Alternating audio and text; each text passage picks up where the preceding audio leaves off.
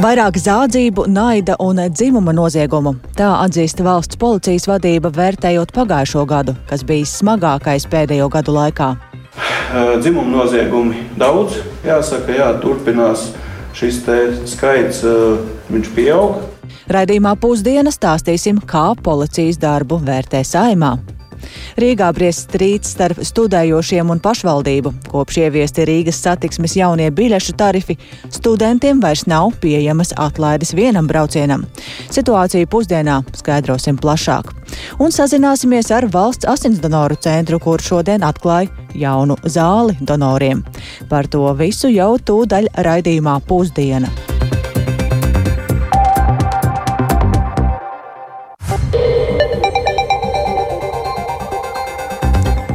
Piecas minūtes pāri 12. skanējumu sāk raidījums pusdiena, skaidrojot šīs dienas 1. marta svarīgos notikumus studijā Dācis Simenoviča. Esiet sveicināti!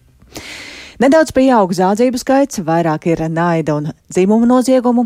Tā, iepazīstinot ar pērnā gada darbības rezultātiem, norāda policijas priekšnieks Armāns Ruks, uzsverot, ka valsts policijai pagājušais gads ir bijis viens no sarežģītākajiem brīvvalsts laikā. Plašāk par policijas darbu. Aizvadītajā gadā zina stāstīt Linda Spundeņa, kura šobrīd pievienojas studijā. Kāpēc tā tad uh, viss sarežģītākais? Uh, sveika, Dārsa. Jā, nu pat atgriezos no saimas komisijas sēdes, kurā tad uh, valsts policijas priekšnieks Armāns Ruks iepazīstināja ar pagājušā gada darbības rezultātiem. Nu, izaicinājumi kā ik gada policijai netrūks. Droši vien, ka arī fonds saistībā ar karu Ukrainā ir to ietekmējis, ka izaicinājumu ir gana daudz.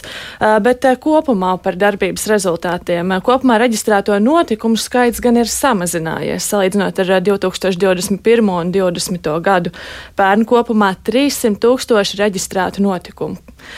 Situācija uzlabojas un noziedzības līmenis samazinās. Krimināla procesu skaits salīdzinot ar 2021. gadu ir pieaudzis, taču tas ir mazāks nekā vairākus gadus iepriekš.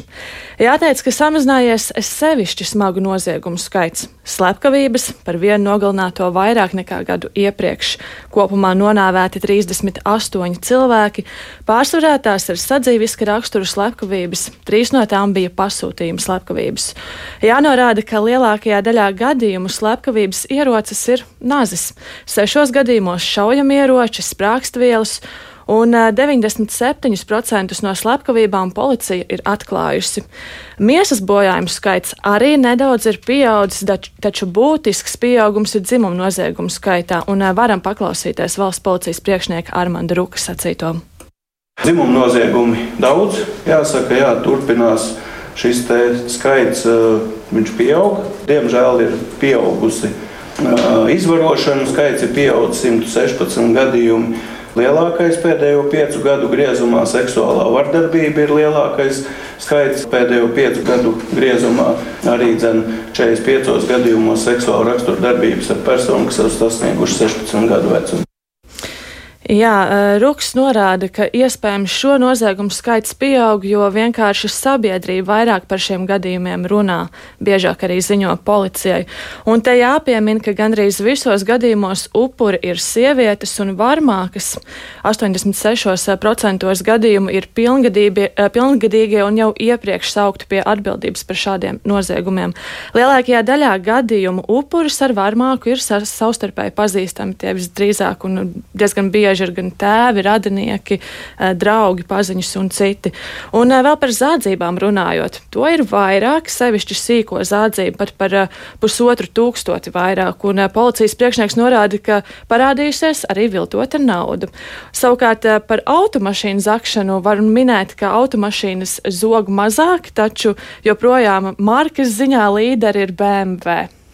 Eh, bet eh, tas par tādu statistiku, ar ko iepriekšējais gads tomēr ir bijis citādāks, un tu jau sākumā pieminēji, ka iespējams arī Krievijas sāktā kara Ukrainā dēļ tas fons ir mazliet cits. Jā, nu, tas policijai noteikti ir radījis eh, lielāku darba slodzi. Runājot tieši par naida noziegumiem, to skaits ir pieaudzis, gan nav varbūt lielā, lielā skaitā. Te gan policija norāda, ka sadarbojās ar valsts drošības dienestu, un tur jau, uh, drošības dienestu, un tur jau lielāko daļu no šiem gadījumiem arī pārņem valsts uh, drošības uh, dienests. Varam paklausīties arī valsts policijas priekšnieka Rūka sacīto. Arī mīts ir kad ir ārkārtīgi liels šis uzbrukuma skaits Ukrāņiem un tam līdzīgi, kas izskan gan sociālos tīklos un, un tā tālāk. Nu, tomēr tā gluži mums nav. Krimināla procesos ir kopumā iesaistīti pa 2211 šie Ukraiņas valsts piedarīgie. 75 ir no tiem cietušie, pamatā tie mantiskie noziegumi, īpašuma bojāšana, zādzības no automašīnas. Un šeit ir tas stāsts, vai vienkārši tā zādzība no automašīnas, tāpēc, ka tie ir Ukraiņas numuri tajā mašīnā, vienkārši tur stāv soma un zaglis narkomāns iet garām, pieņemsim, un viņi nozog izsit loku. Jā, policijas priekšnieks norāda, ka iespējams šie ir mīti, ka Ukrāņiem Latvijā uzbrūk, bet uh, tomēr ir arī vairāki gadījumi, vairāk nekā 600 gadījumi, kur tad uh, policija ir sodījusi uh, cilvēkus, kas ar šiem uh, totalitārā režīma slavinošiem objektiem ir staigājuši vai tos kaut kādā mērā izrādījušas. Uh, Tas ir būtībā galvenais, eh, ko tad eh, valsts policijas priekšnieks akcentē, un tad eh, turpmākajās programmās stāstīšu arī vairāk par to, ko gan saka saimnes deputāti par šiem rezultātiem. Jā, paldies, Linda, tev par šo izvērtējumu. Tātad, kā jau minēja, pēcpusdienā būs plašāks apkopojums. Un mēs turpinām ar to, ka Latvijā korupcija samazinās, taču tas nenotiek pietiekami ātri. Tā šorīt kolēģim Kristapam Feldmanim sacīja korupcijas novēršanas un apkarošanas biroja priekšnieks Jēkabs Straume. To, ka vēlme dot kukuļus mazinās, liecina biroja pētījums par sabiedrības uztveri pret korupciju. Tiesa tas parāda arī to, ka nedaudz tomēr ir pieaugusi uzņēmēju gatavība kukuļot, lai uzvarētu kādos iepirkuma konkursos. Un arī korupcijas uztvers indeksa dati liecina par uzlabojumiem, taču ir arī negatīvas tendences, un ar ko tās saistītas turpina straume. Tas, kas ir bijis negatīvi, tas nav tiešā veidā saistīts ar korupciju, bet gan ar tautsēmniecību, ar pēc-covid sekām, ekonomikas sabremzēšanos, ar karu galu galā, ar inflāciju un tādiem jautājumiem. Birojas šobrīd ir veids korupcijas indeksa visu ekspertu grupu veikto pētījumu analīzi. Mēs nāksim arī klajā ar tādu pētījumu, lai arī plašāk sabiedrības grupas varētu iepazīties un saprast, kur tad mēs esam un kas tad ir tās problemātiskākās lietas. Vai nevarētu teikt, ka mainās tā korupcija? Korupcijas seja, ja tā var teikt. Nu, piemēram, būvniecībā, transporta jomā mēs esam dzirdējuši par karteļiem pēdējā laikā. Vai nav tā, ka kukuļdošana tādu klasisko nomaina kaut kādas citas formas? Nu, karteļošana iet roku rokā ar kukuļiem.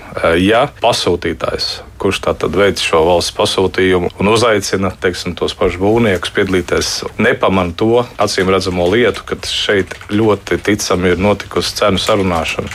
Tad ir jāmeklē iemesls, kāpēc nepamanā. Acīm redzot, tas varētu būt kukuls. Un jūs minējāt, ka jūsuprāt, tie sodi, ko piespriež korumpantiem, tie ir pārāk tādi maigi. Jā? Mēs, kā tiesība aizsardzības iestāde, nu, īsti nevaram komentēt neatkarīgas tiesas varas tiesnešu pieņemtu lēmumus.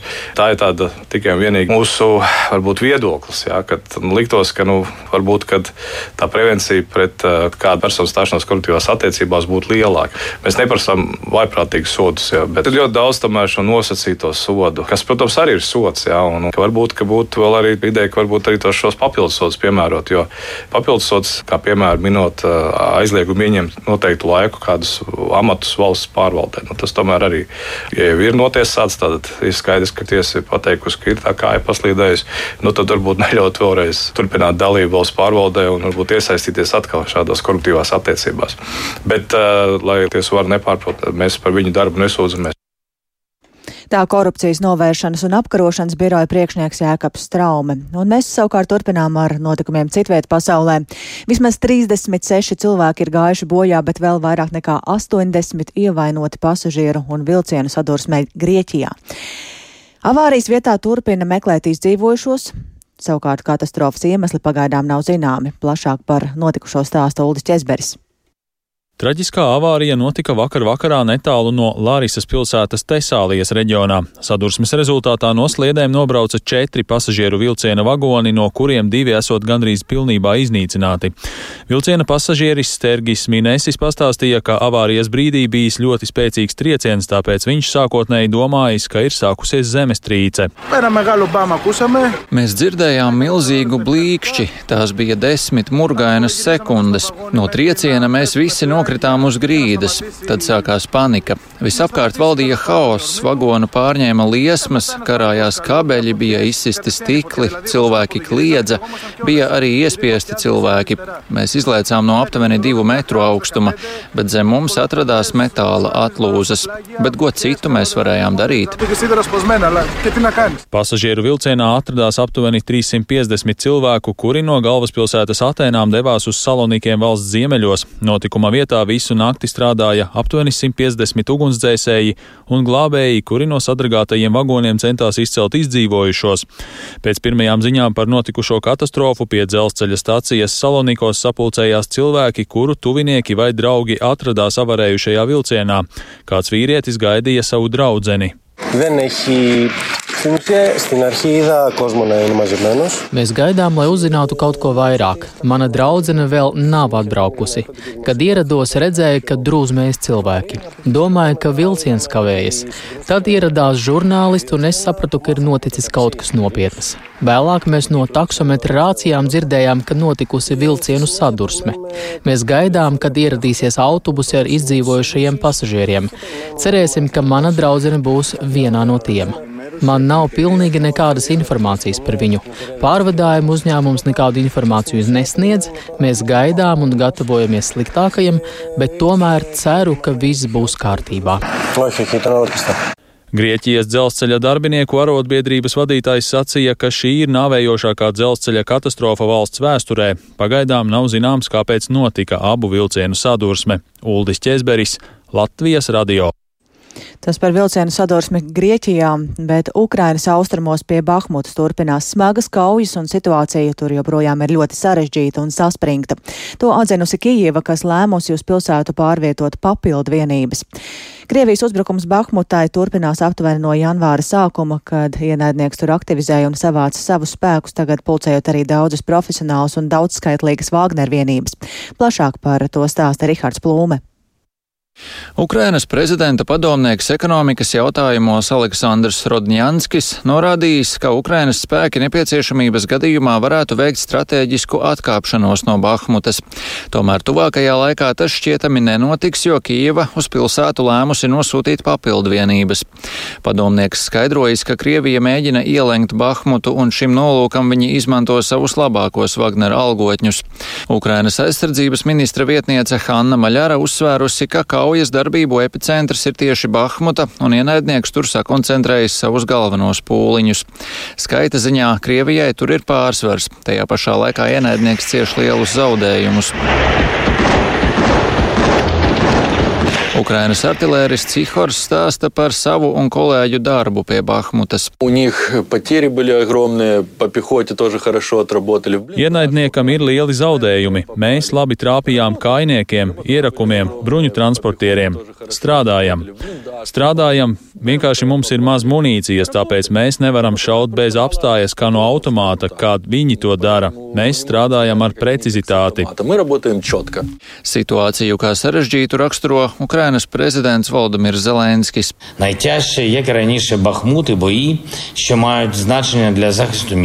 Saržģītākā situācija joprojām ir Bahmutā un notiek kaujas, kas ir būtiskas pilsētas aizsardzībai.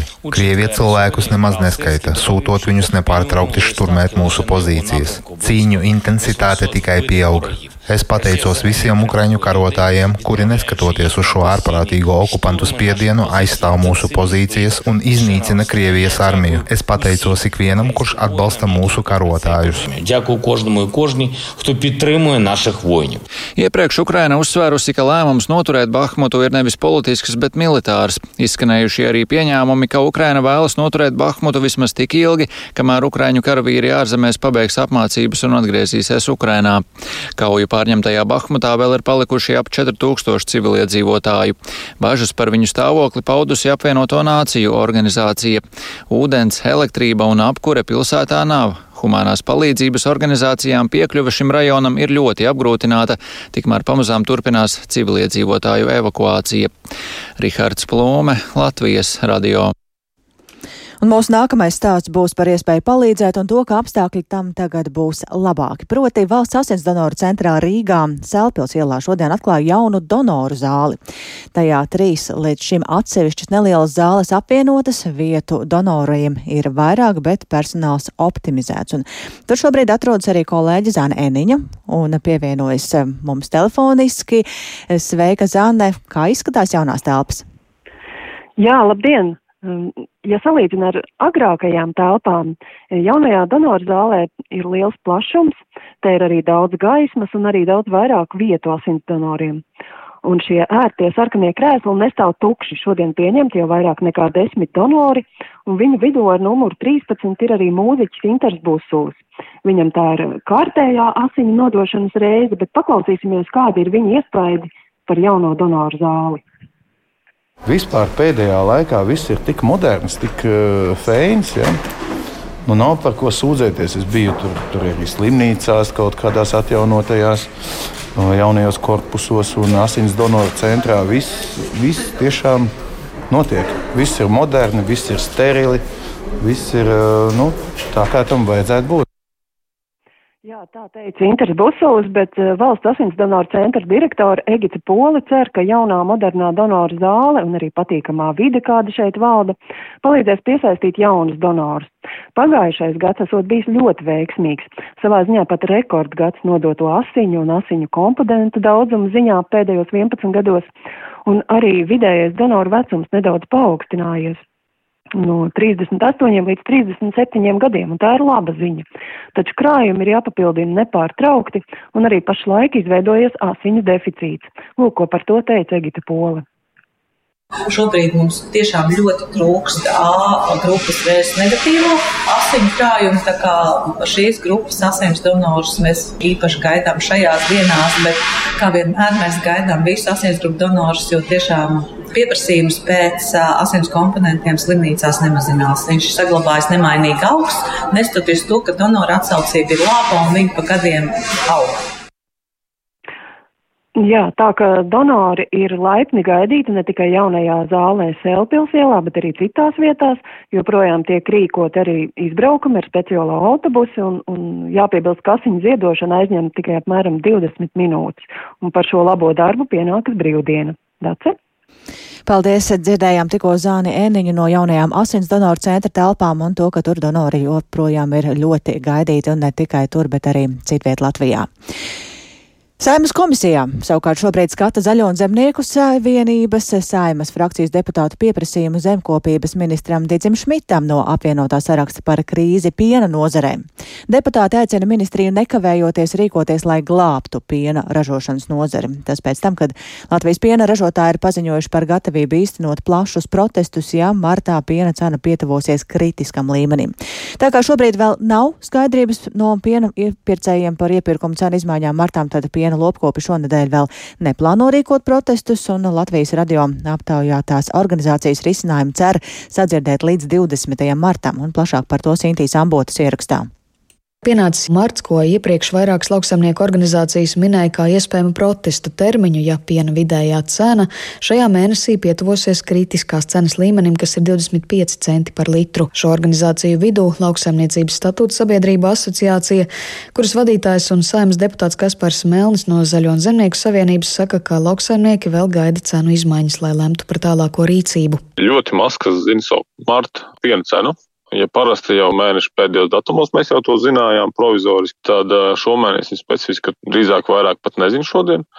Vai piena cena ir pakāpusies uz augšu vai uz leju, grūti spriest un grūti atbildēt. Es nezinu, līdz ar to mēs visi arī gaidām, kāda būs tā situācija ar piena cenu, kas ir galvenais noteicējs vispār. Grūti pateikt, ko viņi gaida.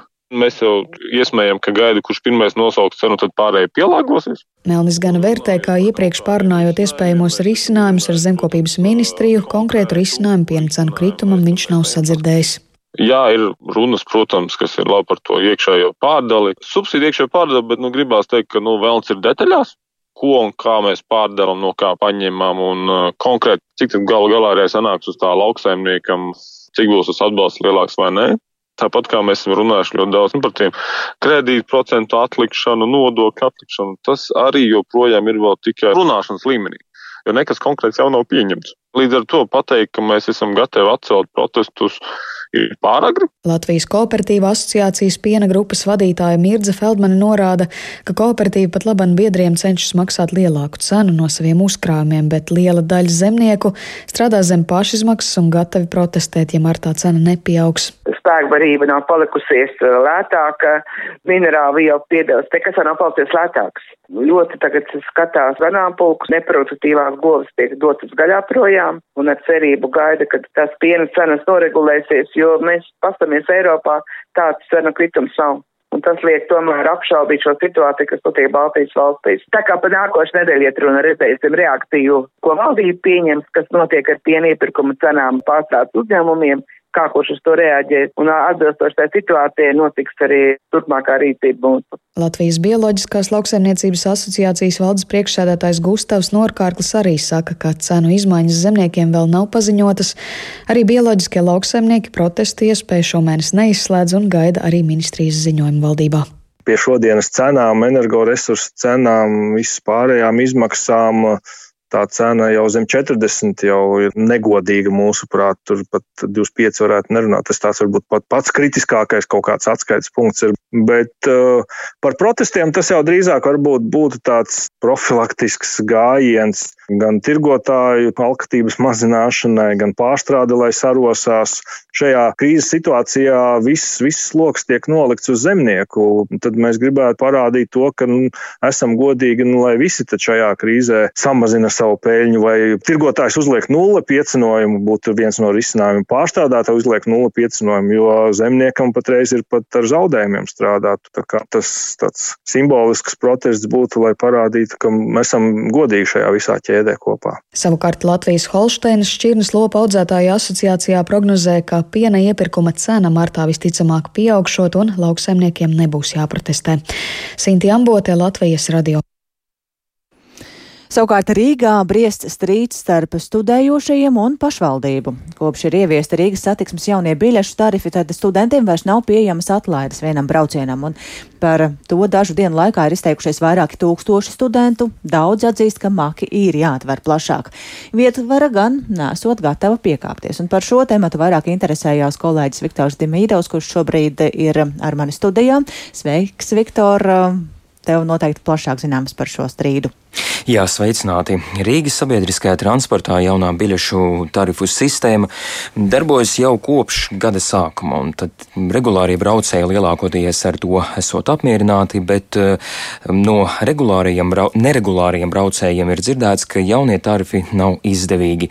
Viena no grupām ir studenti, kuriem līdz tarifu maiņai vienreizējās stundas biļete maksāja 30 centus, bet mēneša biļetes 16 eiro. Tagad vienreizējiem taloniem talonam atlaides vairs nav, un biļetes uh, maksā piecas reizes vairāk, jeb pusotru eiro. Turpretim mēneša biļetes cena ir sarukusi par eiro un tagad maksā 15 eiro. Par vienreizējo biļešu cenu studenti ir neapmierināti. Nepilnu trīs dienu laikā viņi ir veikuši aptauju, kurā piedalījās teju 7000 studentu. Un dati liecina, ka pirms cenu izmaiņām Rīgas satiksmes sabiedriskajam transportam 70% studējošo mēnesī tērēja līdz līdz 10 eiro. Tagad teju puse tērē vismaz 11, bet vairāk nekā trešdaļa vairāk nekā 15 eiro. Par problēmu Latvijas studentu apvienība eh, vērsusies Rīgas domē, ka, kas atlaides ieviest nesot gatava. Lūdzu, paklausīsimies, kā pašvaldības rīcību vērtē apvienības prezidente Liene Levāda. Ņemot vērā energoresursu cenu krīzi un inflāciju, šobrīd uh, liela daļa augstskolu savu studiju procesu organizē attēlināti, kas nozīmē, dažādi izdevumi, piemēram, vairāk kā elektrība, krīt studējošo pleciem. Un, uh, Tā skaitā arī viena no problēmām ir tāda, ka studējošiem finansiālais atbalsts vēl joprojām no valsts ir tikai 140 eiro mēnesī kā stipendija. Šis ir vēl tikai papildu trieciens studējošo budžetam, ka uh, nav iespējas vairs uh, iegādāties lētākus braucienus. Līdz šīm izmaiņām mums dati parāda, ka lielākā daļa nepirka mēneša biļeti. Tas nozīmē, to, ka viņi saprata, ka viņiem finansiāli izdevīgāk ir braukt par šiem 30 centiem. Jo, ja studijas notiek daļai attālināti, vai cilvēkiem vienkārši studijas notiek uh, nepilnā laikā, tad viņiem nav nepieciešams konkrētā periodā regulāri izmantot sabiedrisko transportu, bet tikai ik pa brīdim. Tas nozīmē, ka tas individuālo biļešu sistēma ir elastīgāka. Mēs esam neizpratnē, kādēļ Rīgas doma nav gatava rūpēties par studentiem kā par socioekonomisko grupu un saprast to, ka viņiem ir citādākas vajadzības sabiedriskā transporta izmantošanai un citi paradumi nekā varbūt citām sabiedrības grupām. Un tālūk Latvijas studentu apvienības prezidenta Liena Levada. Un ko par šo studentu neapmierinātību saka Rīgas doma? Es palūdzu, lai to argumentē vicemērs Vilnis Čirs no jaunās vienotības, kurš ar studentiem ir ticies, bet viņa birojā norādīja, ka tas nav politisks jautājums un ka doma, doma balstījusies uz Rīgas satiksmes datiem datiem, kas parādot, ka rīdznieki labprāt pērk mēneša biļetes. Kā jau teicu, ka studentiem ir divreiz lētākas nekā citiem rīzniekiem, un tā pagaidām ir domas nostāja. Tomēr tiem studentiem, kuri brauc retāk, tas nav izdevīgi. Un ar to arī izskan raidījums pusdiena. Producente Ilze Aginta ierakstus montēja Uldis Grīnbergs, par labskaņu rūpējās Mārtiņš Paiglis un ar jums sarunājās Dācis Simenoviča. Mūsu ziņām un to izklāstam var sekot līdzi arī Latvijas radio viens Facebook lapā, tāpat arī sabiedrisko mediju portālā LSMLV un skaidrojošie radījumi ir atrodami arī raidierakstu platformās un Latvijas radio mobilajā lietotnē. Yeah.